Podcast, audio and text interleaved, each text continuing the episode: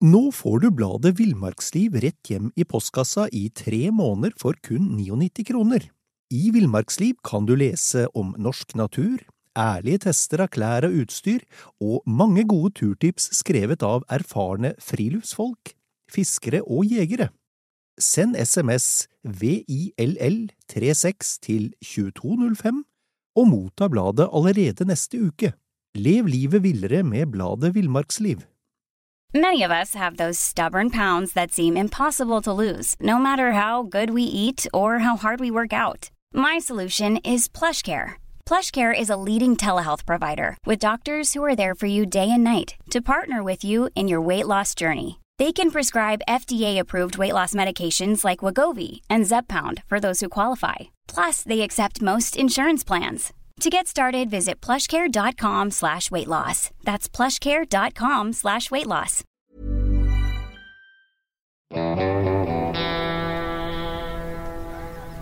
Velkommen til podkasten Villmarksliv. Mitt navn er Knut Brevik, og jeg er redaktør i bladene Villmarksliv, Jakt og Alt om fiske. I dag skal vi snakke om hoggorm og hoggormbitt. Eh, og med meg har jeg biolog, friluftsmann, kjemiker, dyrevenn og pensjonert førstelektor ved Høgskolen i Østfold, Jan Ingar Båtvik. Sånn helt innledningsvis, Jan Ingar, har du tall på hvor mange hoggormer du har håndtert og vist fram i undervisningsøyemed? Nei, jeg har vel ikke telt opp akkurat antallet, men eh, det er noe jeg har drevet med årlig da, med mine studenter i hvert fall 20 år. Og så kan det vel hende jeg har tatt i en del hoggorm før jeg begynte å ta dem fram for studentene mine også. Ja. Sånn i oppveksten så var det jo en del av ja, løfte opp en orm og se litt mer på den, da, både av nysgjerrighetsårsaker, og også kanskje å se hvordan det egentlig var å holde i en orm. Så har vi holdt på med det en del år også før alle disse studentene ble en del av mitt daglige virke. Mm, mm. I, I Norge har vi, har vi, altså tre typer slanger. Um, og, og, foruten hoggormen så er det buormen og slettsnoken. Mm. Og og alle veit jo at hoggormen har det, det gjenkjennelige sikksakkmønsteret på ryggen, men, men, det må ikke ha det sikksakkmønsteret heller, må den vel det? Nei, det hender at uh, det er veldig utydelig. At det, det, er melanistiske individer, altså at de ser helt svarte ut. Men uh, en skal merke seg da hoggormen med en smal pupil. Da blir det hoggorm. Så eh, er det rund pupil, så er det en buorm, som også kan være helmørk da, og hvis du ikke vet riktig hva du skal se etter, så er det ikke sikkert du holder de fra hverandre. Nei. Mens buormen har jo kraftig gule flekker i nakken, og det er ikke alle som ser dem da, vet du, i befippelsen eller i skrekken og alt etter. Nei. Når de ser en slange, eh, så tror de kanskje at det kanskje òg er en buorm, da, men så er det faktisk en melanistisk hoggorm. Så de gule flekkene i nakken er et godt kjennetegn for å skille de to artene. Akkurat. Jeg, eh, jeg tenker litt på, på hoggormen, bare, bare, for å ta det med en gang. Den vekker, den vekker veldig sterke følelser. Altså, jeg har sett voksne, i utgangspunktet relativt forstandige og avslappa mennesker, som, som, som, hiver seg over og slår i hjel orm med en gang de ser den. Altså, hva, hva, er det med, hva er det med ormen som trigger et eller annet eh, i oss? Det er vel to ting, eh, kan jeg tro. Og det ene det er at uh, den kommer brått på oss. Og da har vi jo medfødte instinkter om at vi skvetter når det kommer noe veldig brått og uventa. Omtrent som en mus som kanskje hopper opp når vi løfter opp eh, søppelkasselokket. Da skvetter vi. Eller en edderkopp har også det ved seg at den er uberegnelig og plutselig dit og plutselig hit. Og det vekker skrekk og, og litt avsky da. Mm. Så det er det ene. Vi har nok noen instinkter der. Så kan det vel òg hende at det sitter igjen noe i, fra forfedrenes evolusjon, skal vi kalle det det.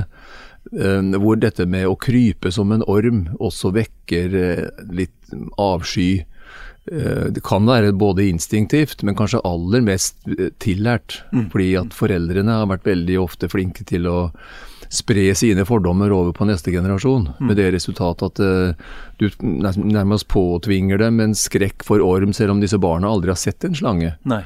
Så um, det ligger nok mye der også. Litt sånn Rødhette og ulven-prat. Altså Man er redd for ulven pga. det eventyret. Ja, ja, ja. Og så er da virkelighetens verden en helt annen. Mm. Men, uh, men det, man er likevel engstelig for ulv, altså, pga. det eventyret mm. som man hørte om da man var liten.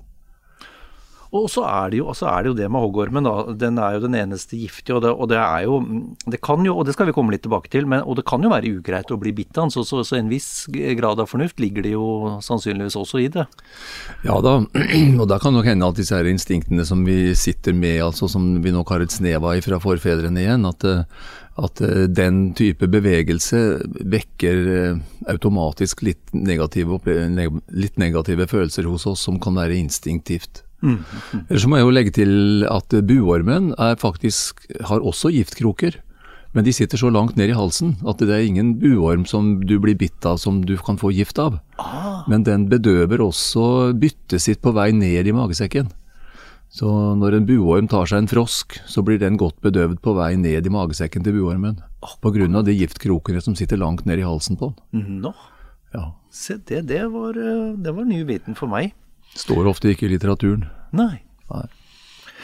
Men, men hva Hoggormen, hva, hva lever den av? Mus, fugleunger. Altså den vil veldig gjerne ha noe som er varmt.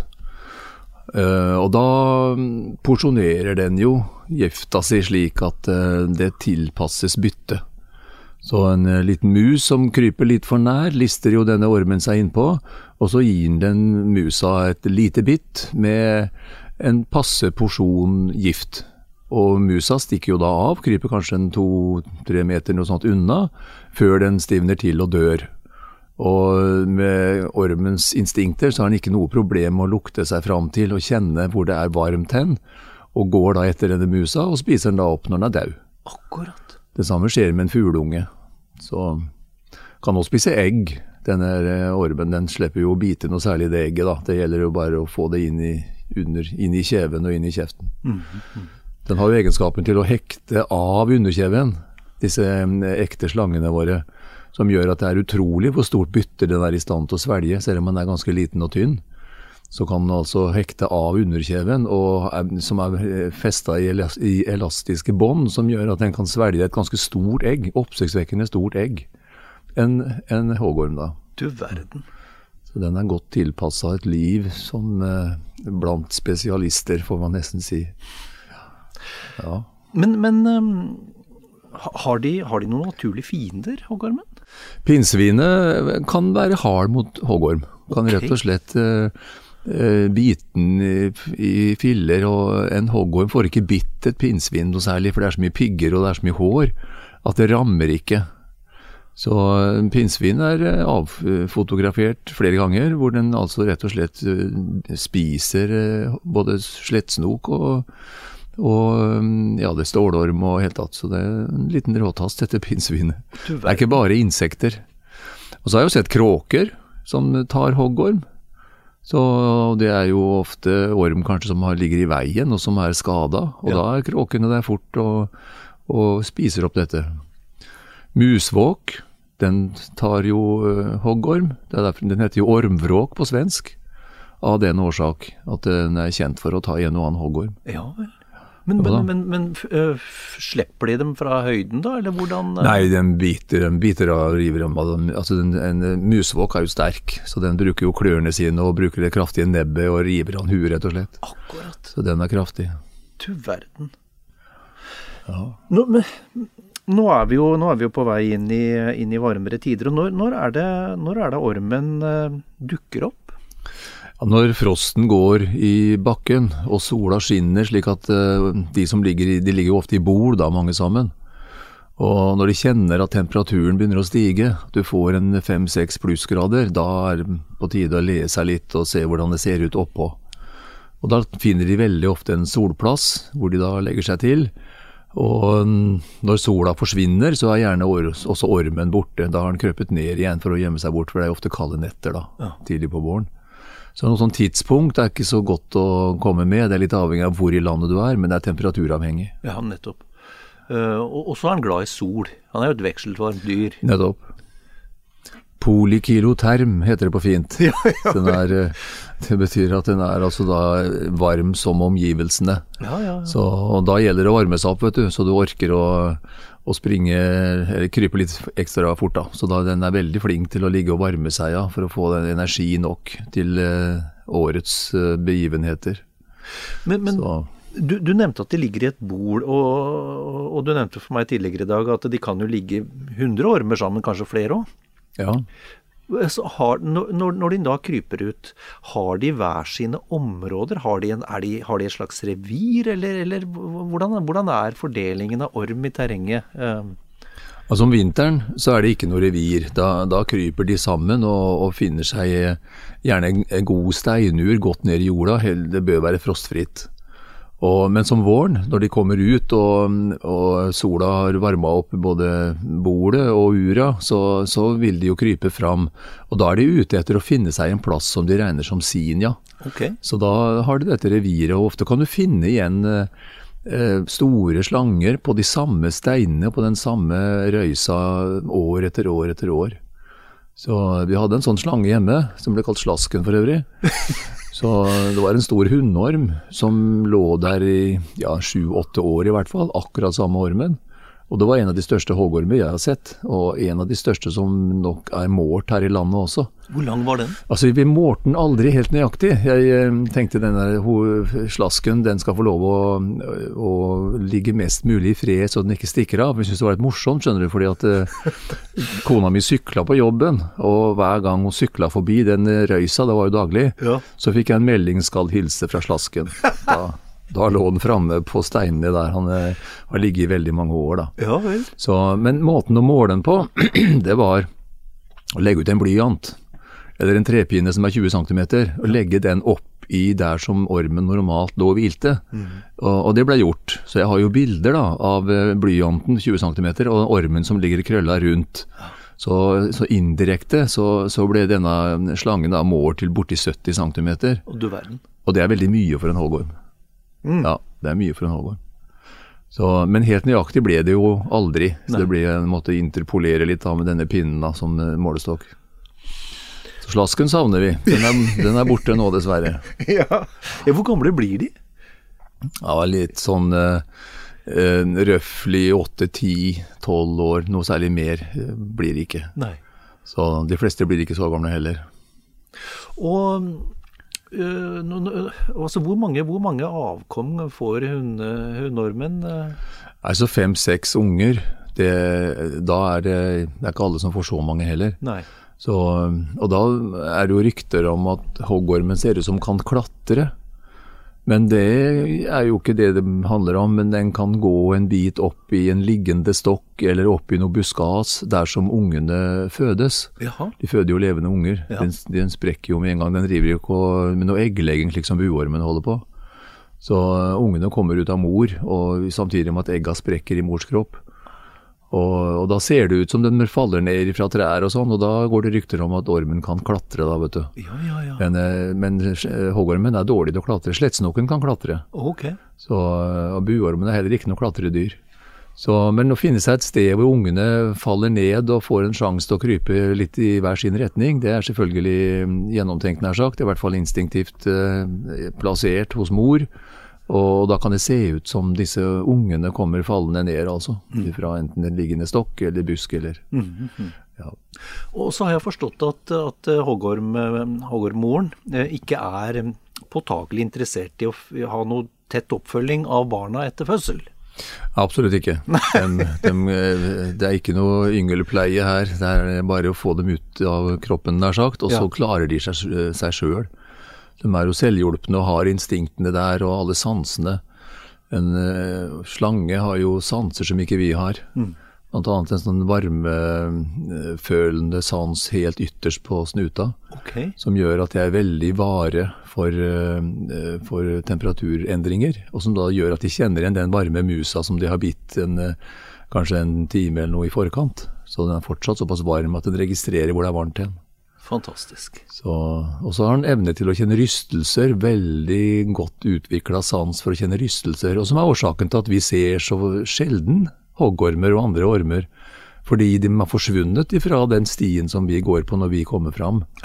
Fordi det rister på forhånd når vi kommer. Om vi roper og skriker, det hører han ikke, Nei. for han er egentlig døv. Men alle rystelser det vil den registrere veldig lett, og som gjør at den kryper vekk før vi er kommet fram til der den lå. Det er langt flere hoggormer og ormer enn det som vi ser.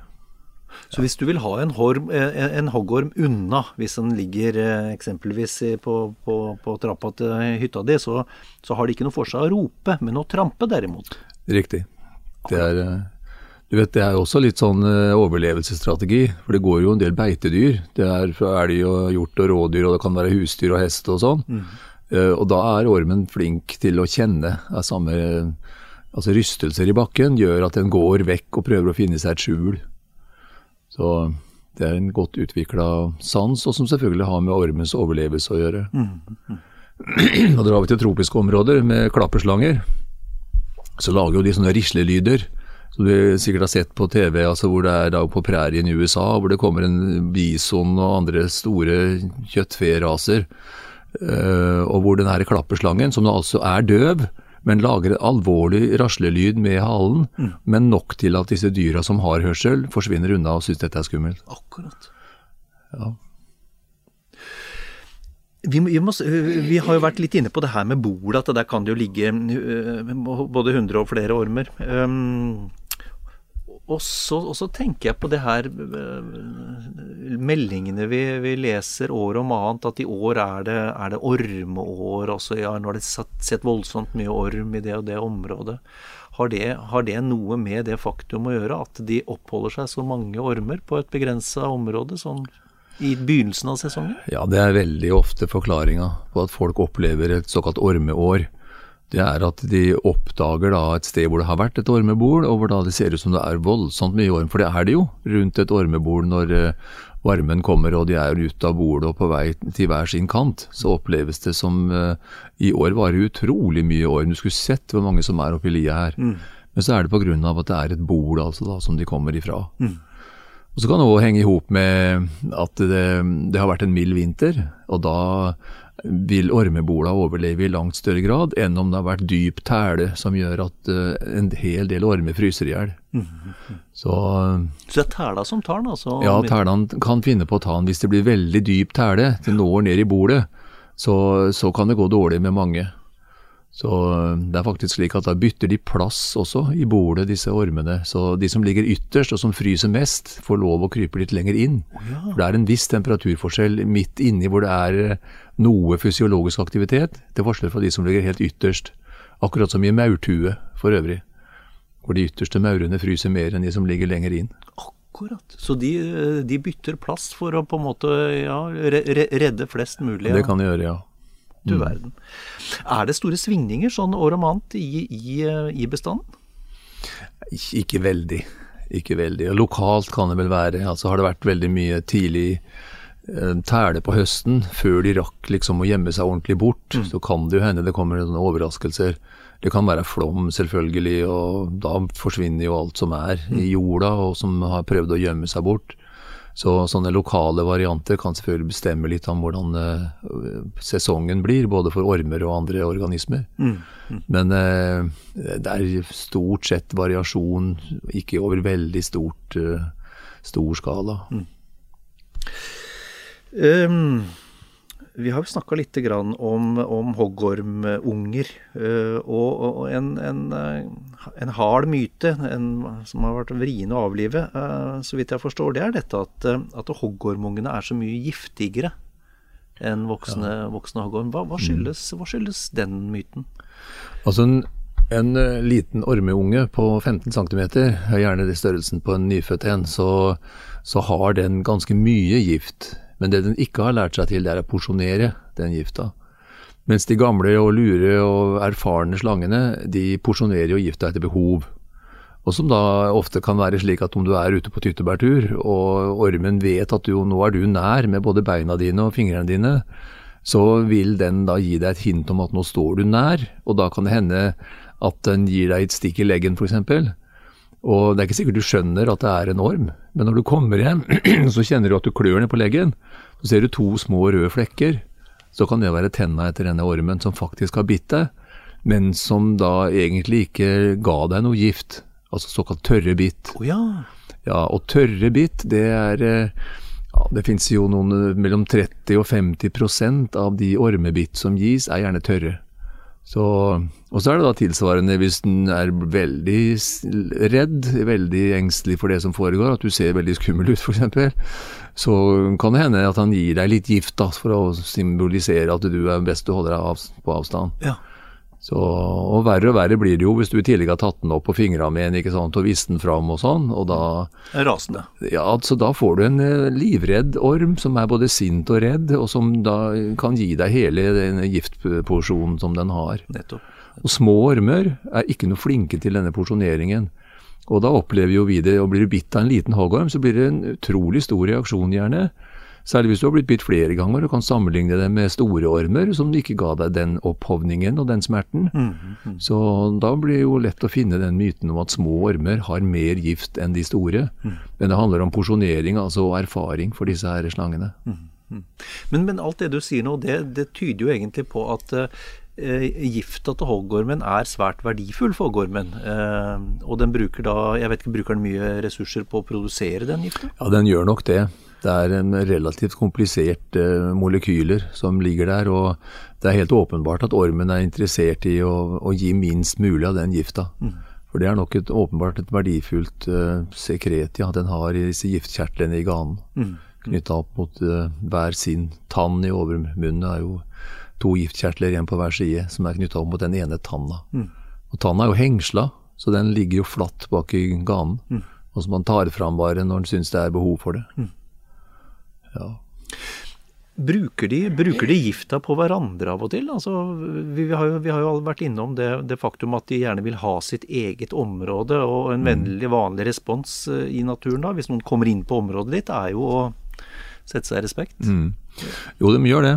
Og det er faktisk også sånn at de er dårlige til å tåle den gifta i sine egne Nå får du bladet Villmarksliv rett hjem i postkassa i tre måneder for kun 99 kroner. I Villmarksliv kan du lese om norsk natur, ærlige tester av klær og utstyr, og mange gode turtips skrevet av erfarne friluftsfolk, fiskere og jegere. Send SMS VILL36 til 2205 og motta bladet allerede neste uke. Lev livet villere med bladet Villmarksliv. Hi, I'm Daniel, founder of Pretty Litter. Cats and cat owners deserve better than any old fashioned litter. That's why I teamed up with scientists and veterinarians to create Pretty Litter. Its innovative crystal formula has superior odor control and weighs up to 80% less than clay litter. Pretty Litter even monitors health by changing colors to help detect early signs of potential illness. It's the world's smartest kitty litter. Go to prettylitter.com and use code ACAST for 20% off your first order and a free cat toy. Terms and conditions apply. See site for details. Blodbaner. Ja vel. Så den brytes jo ned i fordøyelsen da de spiser en mus som er forgifta av eh, denne giftkjertelen. Mens eh, hvis de biter hverandre, så, så, har det effekt. Nå er det veldig ofte sånn at hoggormkamper handler om muskulatur og å tvinge hverandre vekk. Så det finnes jo bilder av flere hanner som tvinner seg kraftig sammen. Og den sterkeste vil da vinne, litt som, slik som det er når elger slåss om å få flest mulig kuer, og det samme hos andre hjortedyr. da. Så hoggormen er sånn sett eh, et dyr som eh, nok vil ha flest mulig hunder, den også, og i sitt revir, og prøver å jage vekk altså konkurrentene med å bruke muskler. Mer det enn gift. Det er litt sånn eh, Ja, for det første vil de spare den gifta, og så er det nesten litt dirty triks. De skal vel greie å jage vekk denne inntrengeren med, med muskler, rett og slett. Så, så, de måler rett og slett krefter i en slags brytekamp? Ja, det gjør det. Det gjør de faktisk, ja. Kan dette pågå lang, over lang tid? Ja, hvis ikke motstanderen gir seg, så må så får holde på til han tar til vettet, på en måte. Eller, ja. eller, kanskje gir opp hele prosjektet for du blir så sliten av det. Og til at begge to ligger og puster bort på hver sin tue. Det kan jo òg hende, hvis det er liksom likebyrdige, disse. Så, og så er det hundene som velger, da. Sånn er det jo. Sånn er det i dyreriket generelt. Det er Hannene slåss, og hundene velger. Sånn, sånn, er det litt. Mm. Så også i slangeverdenen er det nok litt sånn. Mm. Mm. Vi, må, vi må, snakke litt om, om, mai måned i 2019 også, vi. Da, da ble nemlig du bitt. Ja. Og ja, forklar litt. Forklar, hva, hva, hva, hva, var øh, om, omgivelsen, holdt jeg på å si? Hva var hendelsen? Du var ute sammen med studenter igjen på en ukesekskursjon? er det Ja, sånn? riktig. Altså det er jo sånn alle eh, naturfagstudenter har jo et, et feltkurs i biologi som da varer en uke, og det er på Bønseter oppe i Aremark. Jeg snakker om Høgskolen i Østfold. Og Der har jeg vært ansatt i flere og 20 år, og hvert år så er vi jo der. Med, da er det jo alt som er av natur, selvfølgelig. Planter og insekter og vanndyr og fisk og fugl, og, og så hoggorm, da, som er en del av det hele. Og eh, det var jo ja, Han har gjort det altså da i flere og 20 år dette her med å ta fram en orm. Det er vel første og siste gang som flertallet av disse studentene får anledning til å ta i en orm. Så jeg har jo regna dette som en slags pensum. Så eh, noen eh, får jo denne skrekkreaksjonen vi var innom i stad, og flyr rundt og gjemmer seg under låvebrua liksom, og vil ikke i hele tatt se på dette. Det er sånn det fins. Ikke mange, men noen. Og andre igjen syns det er vanskelig og vil, de står helt bakerst i eh, køen og vil unngå å ta for mye inn. Men eh, det er gjerne Nei, men kom igjen. Altså, det er ikke farlig å ta i en hoggorm. Det her foregår under full kontroll. Så, og Sånn er det jo egentlig hvert år, og det er da en interessant opplevelse for så vidt også for de som har litt sånn slangeskrekk innabords. Å ta en tørr orm som faktisk er i stand til å bevege seg med sakte bevegelser. Så får de justert litt av sine fobier rundt, eh, rundt slanger og måten de kryper på, og fordommer osv. Så, videre. så Så det er for mange en uh, skjellsettende opplevelse, generelt sett bli med på feltkurs og ta i orm, som Ja. er en del av pensum. Ja. Og, og denne, denne dagen eh, i, i mai eh, 2019 så, så fant dere en orm. Ja, vi fant flere. Fant flere, Men, ja. Mm. Og, og da er det samme prosedyre. Så det er jo mange måter, måter å fortelle denne historien på. Det er jo kortversjoner og det er lengre versjoner. Så, men eh, det det egentlig handler om er jo at jeg, jeg tar jo opp ormen Ja. etter halen. Og, og det er selvfølgelig Ormen setter jo ikke pris på dette. Den er, den er jo redd, for det første. Og for det andre så kan det hende han er litt sint, og den freser jo. Og, og forsøker da med flere midler, men det er ikke så mange midler en rår over når du holder den i halen. Jeg klarer har- den ikke å reise seg opp? Den har ikke krefter nok til å krype opp over seg sjøl og bite deg i noen fingre. Nei. Nei, men du må jo holde den litt ut av kroppen, da, så den kan bite deg i mageflesket, liksom. Det, det kan jo være greit, og det sier jeg til studentene òg. Hold mageflesket unna, så, og hold den litt, ikke på strak arm, men litt ut av kroppen. Ja. Og, og blir den litt eh, for skummel for deg, så rist litt inn. Ja. For da mister den veldig fort de kreftene som de da prøver, og da blir den hengende ned igjen. Og så skal vi sende den til neste, og kjenne at den er tørr, og, og så videre. Alle skal ha gjort dette. Ja. Og, det går gjerne bra, det. Og, men det er klart, sånn eh, dyrevelferdsmessig så, så er det jo ikke helt pent overfor ormen. Det, det skal vi innrømme. Så, men hva gjør man vel ikke for, eh, for å øke kunnskapen til de som står rundt og sånn. Ormen skal jo få det godt igjen etterpå, da. Og Ja. tilbake der den var, selvfølgelig. Og. Men så ender da den der eh, demonstrasjonen gjerne med at jeg legger ormen på gresset.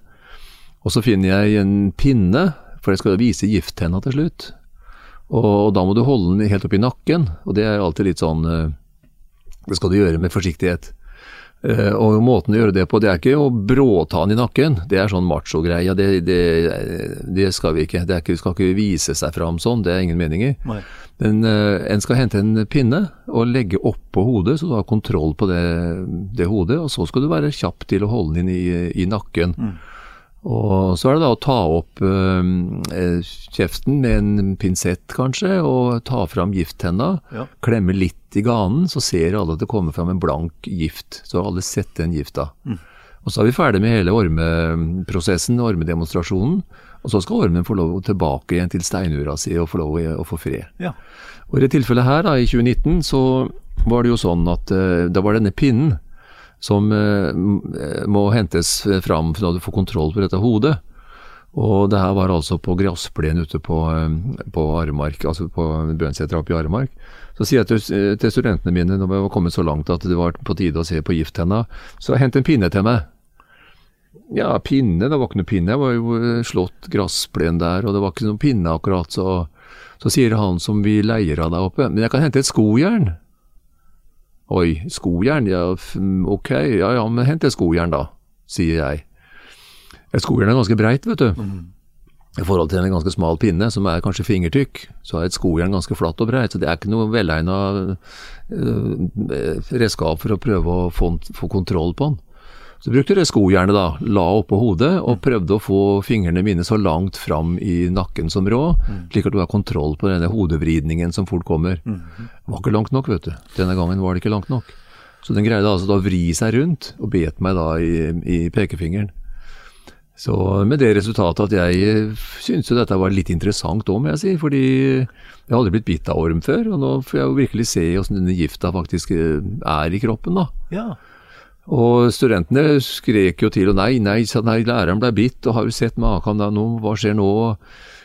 Slapp av, sier jeg, slapp av, jeg, vi ringer ikke noe sted, vi tar det litt med ro her nå, skal vi se åssen dette går. For det, egentlig er det interessant.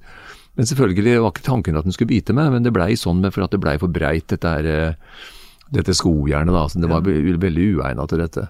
For du, du, du, du hadde en slags akademisk interesse du der og da å se hva som rent faktisk kom til å skje? Absolutt. Ja, jeg har jo lest litt om hva som skjer i kroppen med ulike ormebitt, og, og, noen påstår at man er veldig allergisk for det. Jeg tror kanskje det handler litt mer om mengde gift du får. Så jeg tror ikke det har mye med allergi, egentlig. Det mer, kan selvfølgelig ha det også.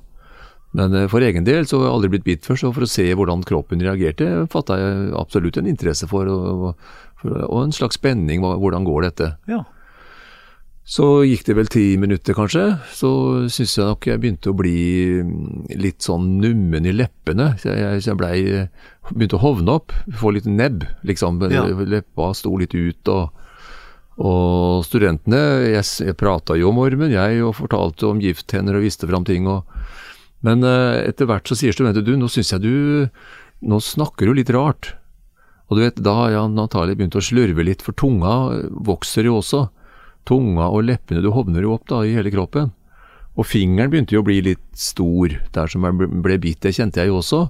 Fortsatt syns jeg dette var litt interessant. Så så, og til slutt så begynner det å bli litt slørete i blikket.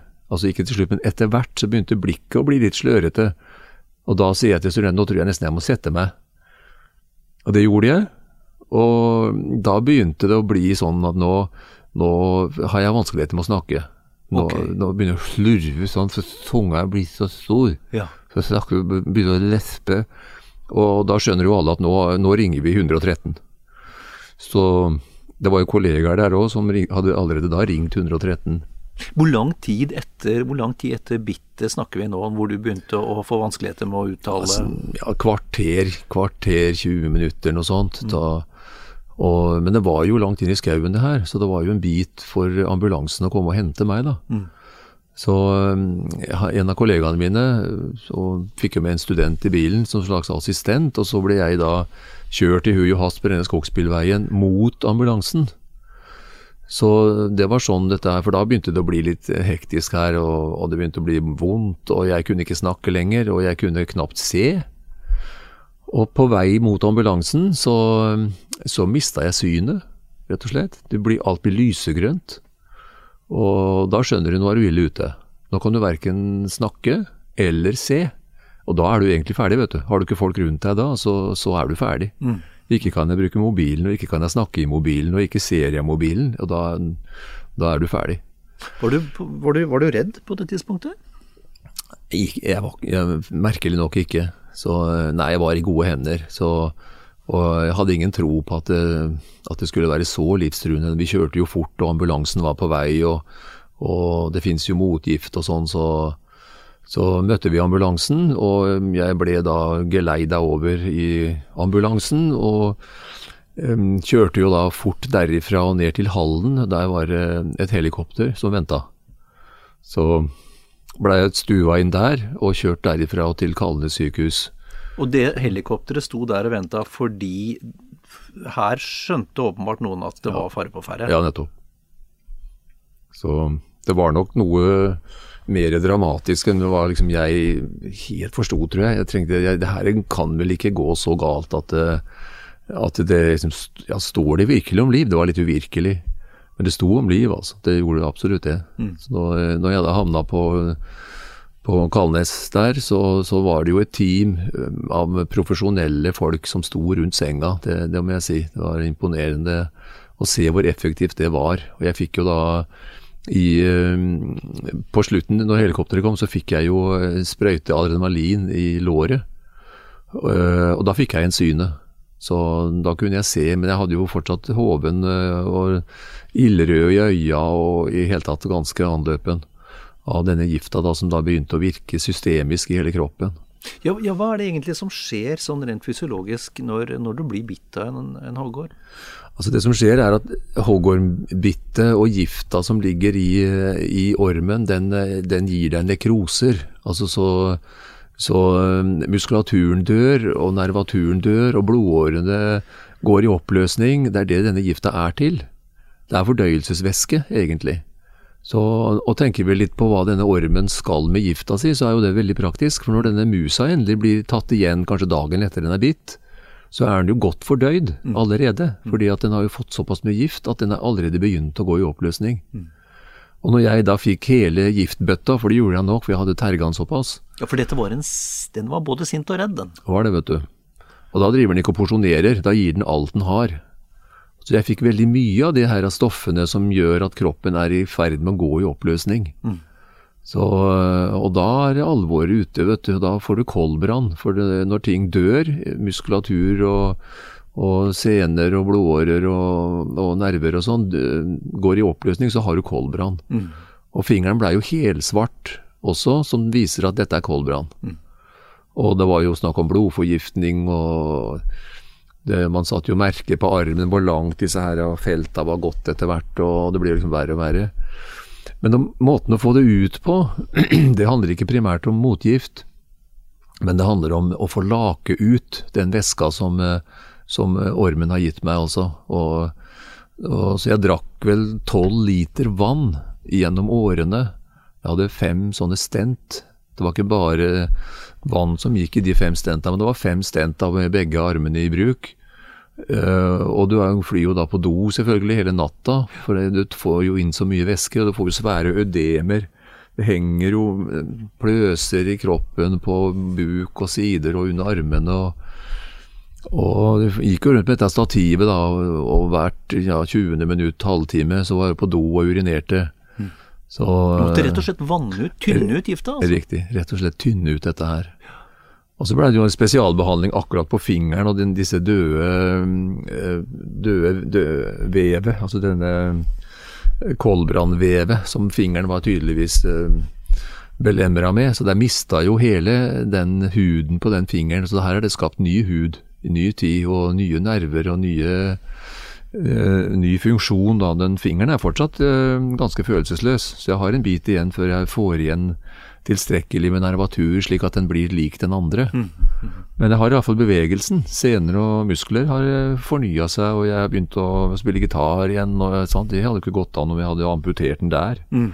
Det blir jo sagt at hadde dette skjedd for ti år sia, så hadde du nok amputert fingeren her, altså på leddet der som neven begynner. For det her var så svart og fælt at det var ikke mye å berge. Så, og du lå jo noen dager inne på sykehus òg? Ja, det ble åtte dager til sammen. Hvor jeg lå da og laka ut dette her, altså. Ja. Veldig. Så, og tolv liter er ganske mye væske altså, som skal gjennom kroppen. Mm, mm, mm. Og via nyrene Nyrene vet du, eh, de jobba jo på høyspreng. Mm. Så jeg opplevde jo jeg måtte I ambulansen så opplevde jeg at jeg, jeg, må, jeg, må, rett og slett tisse. Det, det er så spreng at jeg, jeg, må, jeg er nødt til det. Det sa jeg, slurva og snakka da. Jeg må, jeg må tisse. Jeg må tisse. Sa jeg til ambulansesjåføren. Ja, det går ikke, det går ikke, sier han. Vi, må, vi har dårlig tid. Ja.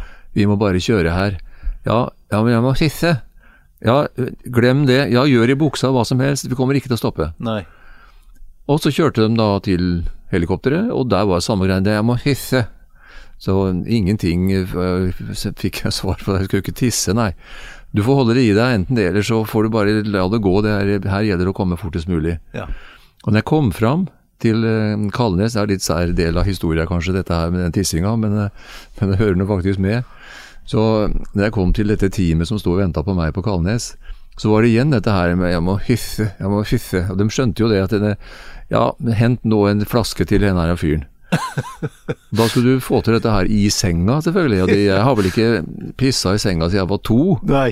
Nei, og det er jo uvant da, med fullt av folk som står og ser på dette her, og bruker jo litt tid da på å få lirka ta deg liksom buksa og, og få plassert det som skal plasseres inn i flaska. og og det aller verste av alt, og det store og det flaue i det hele, det var ikke, var ikke egentlig å pisse på flaske i alles nærvær, men det var at det, det var vel så mye urin. Altså en eh, En skvett. Ja, en skvett. Det var ikke en desiliter engang, det var en halv desiliter. Det var alt jeg fikk ut.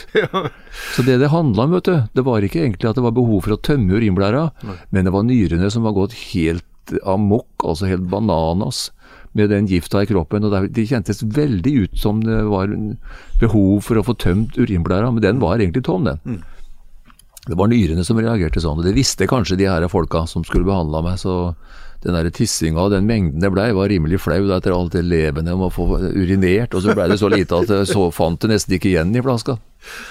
Så det var nå da også en del av denne historia her, da. Men, men, men du, du redda jo livet, for det sto jo om livet dette. Du redda livet eh, takket være det faktum at du var sammen med noen, og et, eh, et Norge har jo et fremragende helsevesen, og der var det åpenbart noen som, eh, som skjønte eh, at her eh, hadde vi dårlig tid.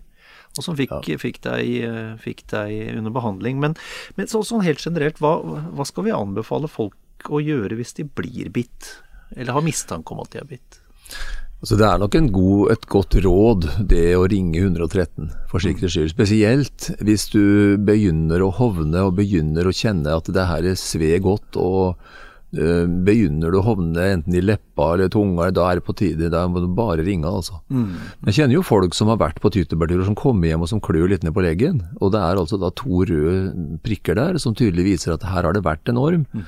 Da ville jeg ikke eh, nødvendigvis ringt noe sted. Det her har jo da skjedd kanskje en time eller to i forkant, og hvis ikke reaksjonen da er kommet, så kommer den knapt. Da snakker vi om tørre bitt igjen. Nettopp. Nettopp. Så bare for å gi et signal om at nå står du for nær. Så jeg vil nok tro at mange av de dyr som kommer nær en sånn en hoggorm, vil nok ikke hoggormen ha noe særlig nytte av å gi noe gift i hele tatt, men gi den et stikk så han drar til seg beina og forsvinner. Ikke sant?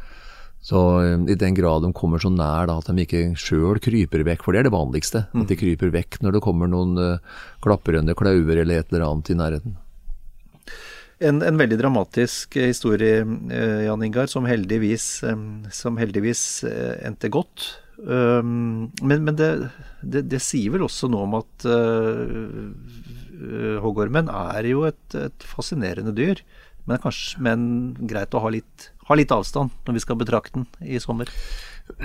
Ja, jeg er ikke blitt noe mer engstelig enn det jeg var før. Det var jo min feil. Altså, det var, Å bruke skojern som er altfor breit, var veldig korttenkt. Jeg tenkte jeg skulle greie å vippe det opp såpass mye på høykant at det fungerte som sånn pinne, men det funka ikke. Nei. Så det var absolutt min feil. Og Hormen har alle sine rettigheter til å forsvare seg når den blir, opp, når den blir behandla på det viset der. Så det var ene og alene min feil. Ja.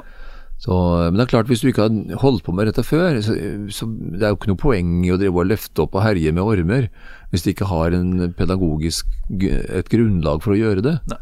Så, og det var jo det altså Jeg har heller ikke drevet og løfta opp alle ormer jeg ser, det gjør jeg jo ikke. Men hvis det er slik at vi skal vise det fram, og vise tenner og vise forskjellig annet på en orm, så har jeg ikke noe problem med å ta opp en orm og behandle en, en sånn slange. Det har jeg ikke tenkt å slutte med, men det må være en grunn til det, altså. Ikke sant. Ja. Jan Ingar Båtvik, tusen takk for en eh, spennende prat om, om hoggorm.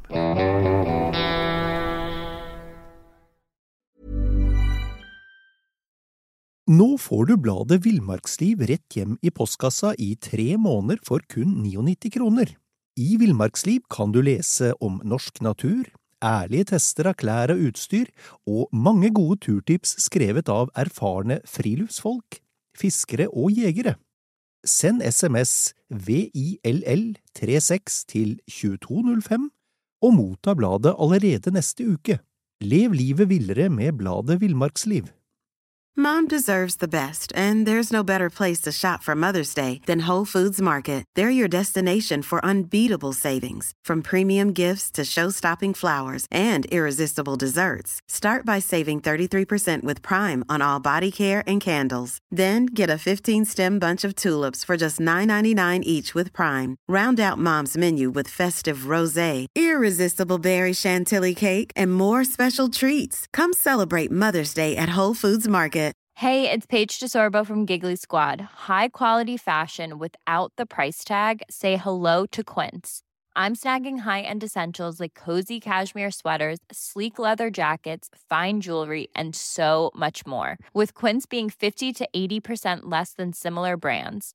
And they partner with factories that prioritize safe, ethical, and responsible manufacturing. I love that. Luxury quality within reach. Go to quince.com slash style to get free shipping and 365 day returns on your next order. Quince.com slash style.